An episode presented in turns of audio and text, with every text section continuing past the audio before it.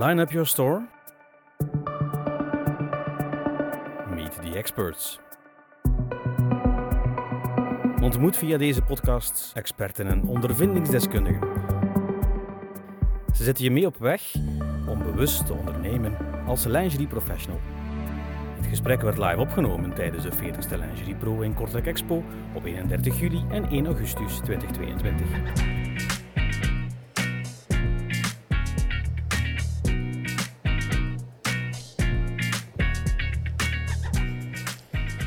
Lingerie Pro wil altijd ook een uitstraling hebben, maar uw winkel heeft natuurlijk ook veel uitstraling nodig.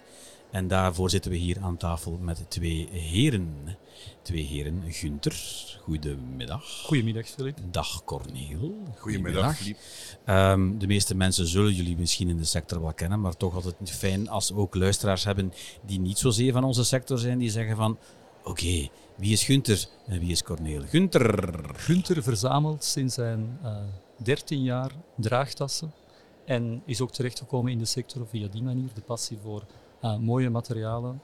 Uh, dus 25 jaar werken we nu met Inclio en ontwikkelen we draagtassen en verpakkingen. Dat is mooi. En dan Corneel? Bij mij is het eigenlijk niet via een uh, verzameling gegaan. Ik ben uh, Corneel, ik werk voor de firma Bestmannekijns. En wij maken eigenlijk alles, dat wil zeggen alle tools voor, voor visual merchandising, voor de ganse retail eigenlijk. Voor de ganse retail. Ja. Super. Winkeluitstraling, dat begint enerzijds. Hè. Mensen die plannen hebben om een winkel te starten. In deze tijden niet zo evident, maar wel nog altijd zeer aanwezig. Dat zien we ook bij bepaalde vragen die we gekregen hebben van mensen met initiatiefzin. Die vragen van ja, we willen naar de lingeriebeurs komen, want we hebben plannen. Ik zie hier ook bepaalde zaken die ik al heel lang ken, die nu met hun opvolger uh, overnemer zijn om samen de collecties te kiezen. Dus ça bouge encore dans notre secteur. Als je echt een real starter hebt, dan is etalagemateriaal, visual merchandising zeer belangrijk. In het geval van Incluo is het vooral van oké, de uitstraling van wat ik meegeef na de verkoop. Als je denkt van oké, okay, ik, ik, zie een starter binnenkomen en die vraagt tegen mij van uh, Gunther, wat moet ik doen? En wel, een, een heel belangrijke tip is, ik heb zelf drie dochters en ik zeg altijd tegen hen, begin er op tijd aan. En daarmee bedoel ik het studeren. In dit geval is het zo, als je de naam van je winkel hebt, je hebt een bepaalde huisstijl, uh, je hebt een bepaald moodboard, moet je op tijd met die informatie een afspraak maken en langskomen. Want de leveringstermijnen van in onze sector zijn heel lange leveringstermijnen, dus mensen calculeren dat niet. Dus in eerste instantie begint er op tijd aan, zodanig dat je ook de mogelijkheid hebt om te produceren in het Verre Oosten en iets op maat te laten maken. Okay, over welke timing spreken we dan? Normaal gezien moeten we rekenen vier à vijftal maanden. Okay. is uh, courant in onze sector. Dus we hebben ook zaken standaard op stok, dus je kan zeggen ik begin binnen twee weken.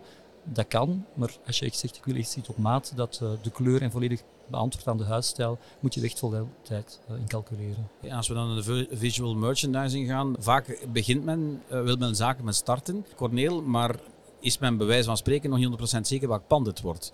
Ja, dan is het ook al minder evident om dan bijvoorbeeld al kijken van ik heb een bepaalde paspoppen nodig of ik heb rekken nodig. Welk, op, op, hoe, hoe pakken jullie het aan als jullie een vraag binnenkrijgen van een, van een starter?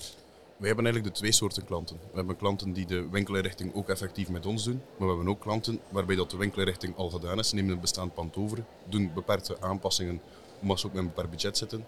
En eigenlijk week voor de opening komen ze van, oh tja, we hebben ook nog paspoppen nodig. Dan kun je moeilijker advies gaan geven in zo'n situatie. Idealiter komt de klant naar ons en zijn we eigenlijk vanaf het begin uh, van het proces, om het zo te zeggen, mee betrokken in het ganse verhaal. Wij zijn niet de creatieve denkers als een, een echte professionele winkelinrichter die echt een hele branding rond het merk gaat gaan bekijken. Wij zijn wel het bedrijf dat echt de producent zelf is. Dat wil zeggen dat wij zeer kort op de bal spelen en gaan proberen gaan kijken naar stabiliteit. Uh, hoe kan iets toch binnen een beperkt budget of we hebben nog wat extra, waar kunnen we nog een folieken aan aanhangen. Maar het creatief zelf denken, dat komt meestal van de klant zelf uit bij ons. En dan de situatie. Een bestaande zaak die zegt ik wil mee met de tijd en het gaat steeds sneller. Vroeger zeiden ze altijd ja, uh, vijf of toch zeker na zeven jaar moet je je zaak sowieso opfrissen of zelfs helemaal een twist geven. Als je die vraag dan krijgt, is dat de, dan voor je verpakking eigenlijk hetzelfde verhaal als bij de starter? Of zit er daar, want, want die winkel heeft al een bepaald imago opgebouwd. Hoe pak je dat aan? Wat, welke vragen stel je bijvoorbeeld aan hen? Vroeger werd er altijd aangekocht op basis van hoeveelheden. Dus we zeiden ook van de prijs bij 3000 stuks is natuurlijk goedkoper dan bij 2000 of 1000 stuks. Terwijl wij altijd adviseren van kleine hoeveelheden te nemen, zodanig dat je sneller kan inspelen op die trend. En dan is het eigenlijk zeven jaar is al veel te lang. We zien dat mensen bij ons echt per seizoen een draagtas laten uitwerken, vooral voor de zomercollectie, echt specifiek voor één seizoen. En dan is het beter dat je kleine hoeveelheden neemt natuurlijk, want anders dan moet je te lang met die tas doen. Als je 3000 stuks koopt, tegen dat je 2999 tas hebt uitgedeeld, zit ze al echt beu. Dus probeer daar gewoon in te spelen en liever kleinere hoeveelheden. Oké, je betaalt misschien 5 of 10 procent meer, maar uw kelder stikt niet vol, want op die manier wordt het ook een stressfactor. We zien mensen die soms starten en die tassen hebben aangekocht van grote budgetten en je hebt nog niks ontvangen en toch zit al met zoveel paletten en zoveel grote facturen. Dus groei zelf mee en wees eerlijk voor jezelf, kleine hoeveelheden. Corneel 3000 poppen, dat zou ook wel leuk zijn, zeker één keer. Dat zou leuk zijn inderdaad, maar dat ook niet iedere dag. Dus, nee, nee, eh, nee. Maar bijvoorbeeld als dan echt een zaak die effectief al bestaat, hoe redeneren jullie mee als een, als een zaak wil aanpassen? we kijken echt vooral ook wat is de doelgroep van de klant. Wat ziet de klant graag uiteraard van, van de stijl van mannequins, want er zijn verschillende stijlen in de mannequinwereld. Maar kijken we ook naar bijvoorbeeld de taille. We hebben poppen uh, taille 36, maar ook taille 38. Als 38 de meer courante maat is in uw winkel, waarom zou je dan een 36 nemen? Ik bedoel, ken uw publiek als winkel, als je vooral uh, gespecialiseerd bent in vol slanke mode, dan is het beter dat, je, dat uh, zo'n etalagepop gaat gaan. Uh, ja, gaat ik, ik pik daarop in om eigenlijk al naar het punt van de trends te gaan. Ik heb wel de indruk dat, zeker wat mannequinpoppen betreft, het assortiment, de mogelijkheden naar verschillende maten, kleuren, al erop en eraan, dat dat wel sterk geëvolueerd is in de laatste paar jaar. Dat is zeker waar. vroeger werd eigenlijk een etalagepop gesculpteerd, het eerste model in klei. Dat was door iemand die, laten we zeggen, een artiest was, die kennis had van het menselijk lichaam. Maar in klei kan je nooit hetzelfde effect gaan verkrijgen als dat we nu doen in uh, 3D-ontwikkeling. Dus op vandaag worden de etalagepoppen volledig in 3D ontwikkeld en kunnen we super realistisch gaan of aan de andere kant ook super abstract gaan. Plus het is veel efficiënter, waardoor dat de ontwikkelingskosten voor een pop op maat eigenlijk ridiculair zijn op dit moment. Leuk om te horen, zo abstract en of, of zeer realistisch. Wat haalt de bovenhand? Of is het wel zo duidelijk ja. In de sector van de lingerie zal het, wel, zal het niet te abstract zijn, zeker? Of? Nee, inderdaad. Ja. Uh, de trend is echt terug om naar realistisch te gaan. Dus we hebben zelf ook een nieuwe uh, lingeriecollectie gelanceerd. Die noemt dan Imagine. Een beetje een verwijzing, een knipoog naar uh, de lingeriewereld. En daar hebben we eigenlijk ook voor gekozen om de mannequins standaard in stok te nemen met een lichte huidskleur. Wil niet zeggen dat de klant verplicht is, want produceren op maat of aflakken en dergelijke is altijd mogelijk. Maar wij denken, en dat is toch ook wat we zien, dat de nieuwe trend is om terug weer naar het realistisch te gaan het superrealistische, zoals het voorheen is geweest met pruik en make-up, daar denk ik niet dat we gaan geraken. En ik denk dat er veel mensen hebben gevloekt om jarenlang de pruiken kammen en er terug op de mannequins te gaan zetten. Maar de trend is wel terug meer naar het realistische, dat is zeker waar. Welke trend zie jij in, in kleuren? Uh, zal dat bij, bij jullie zijn? Want qua vormen? We, ja, we zien heel veel felle kleuren terug. Dus de trend van het ecologische, het bruine, het gerecycleerde, ja. het brave is een beetje gepasseerd. Ook al finally. ja, finally. dus mensen hebben echt terug behoefte aan kleur en het mag terug allemaal wat blinken. Ja. Er is laatst een onderzoek geweest van testaankoop waaruit bleek dat eigenlijk plastic draagtassen milieuvriendelijker zijn, omdat die een langere levensduur hebben. Dus mensen komen thuis met een papieren tas. Je gaat gewoon vanuit een auto recht bij het papiermand. Dus eigenlijk, als we een tas hebben in plastic die voldoende dik is, dan wordt die hergebruikt en, en, op die manier draag je ook bij aan het milieu natuurlijk. Dus, plastic en plastic is twee. Hè? Voilà, mm. dus als je dat maakt in een, in een, mooie vorm, zoals je net vraagt, of in, in een trendy kleur, dan denk ik dat je echt een topper hebt. Mm. Zijn, er, zijn er in de draagtassen uh, bepaalde vormen die ineens meer naar voren komen? Dat ze dikker moeten zijn ja, onderaan? Een, een bredere zijval. He, zien we dat er ja. echt meer volume in kan. Als mensen die tassen nadien gaan hergebruiken, dat er ook uh, iets in kwijt kunnen natuurlijk. Ja, ja, en, en, als je en, en, minder kleinere tasjes? Of, of, nee, nee, echt, nee, de kleine tasjes worden gebruikt om als de mensen gaan werken om hun boterhammen terug in te steken. De grote tassen worden gebruikt om uh, te gaan sporten. Uh, andere mm. tassen worden gebruikt om mee te nemen naar de supermarkt. Dus we zien echt het herbruikbare. Het is een kleine investering, maar het, het, het loont wel als je een supermarkt binnenkomt en je ziet dat daar tassen van jezelf rondlopen. Dan, Super, dus men gebruikt ze gewoon van schafttijdtas voilà. tot sporttas. Voilà, voilà, voilà, Eigenlijk is het wel een soort van gratis reclame. Ja, inderdaad. Ja, ja, is, zeker, zeker. Naar kleuren toe. je hebt al een beetje bezig geweest, Corneel, over uh, de, ja, het huidskleur.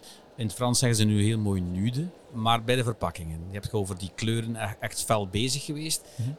Bling bling? Bling bling. Ik ja? bling bling. Bling bling, luxe. Het mag terug uh, een beetje decadent zijn. Ja.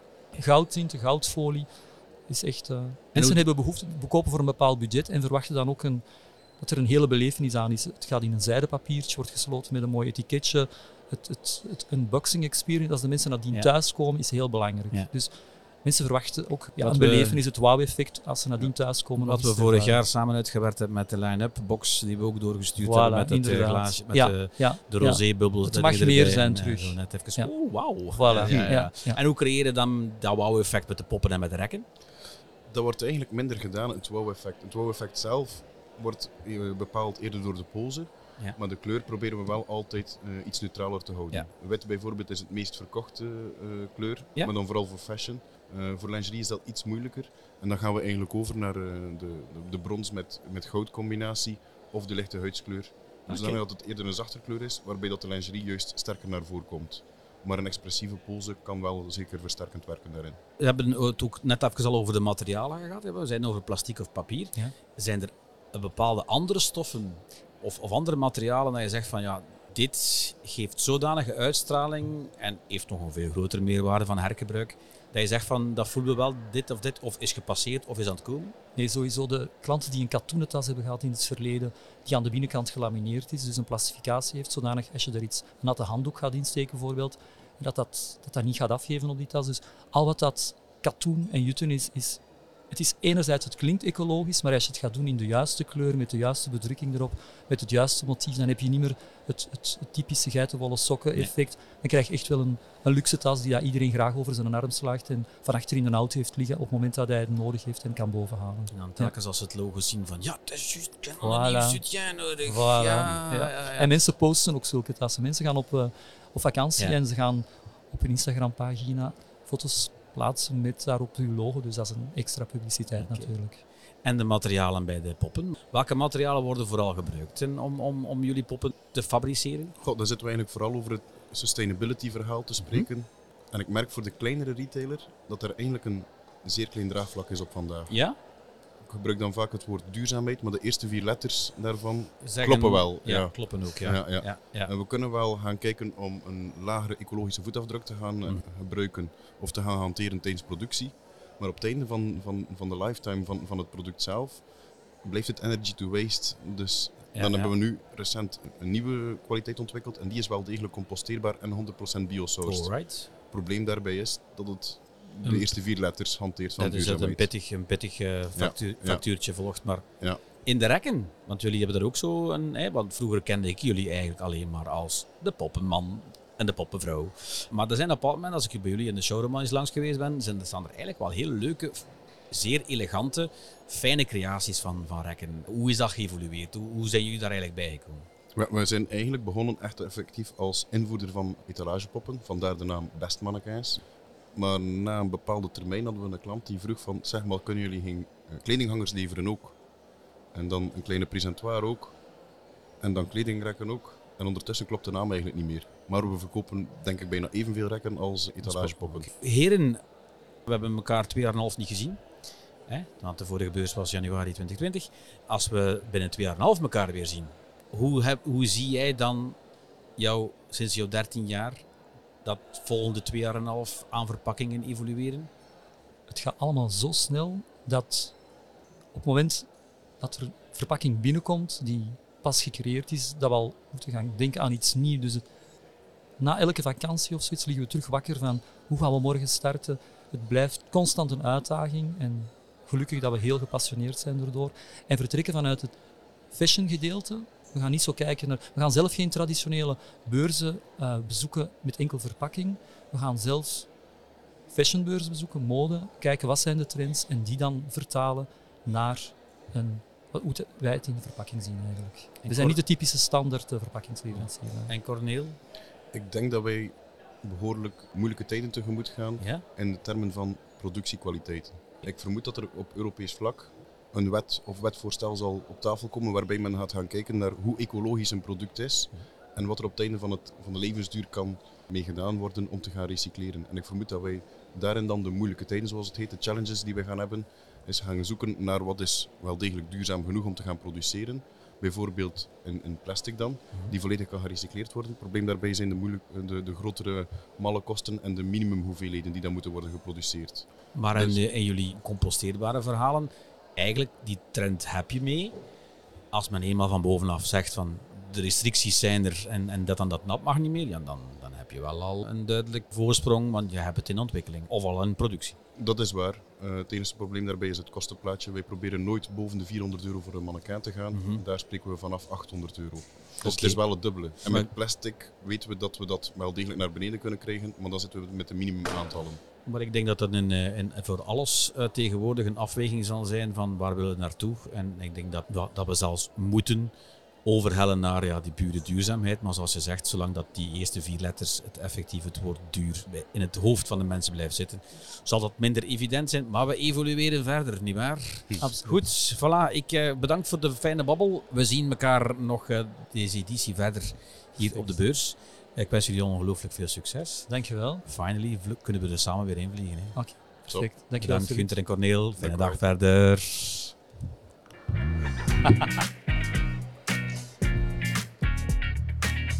Dit was aflevering 4 met Gunter Kennis en Corneel van Dalen. Volgende keer praten we over 20 jaar Afrodite Magazine met Josephine Dirks en Filip Lansweert.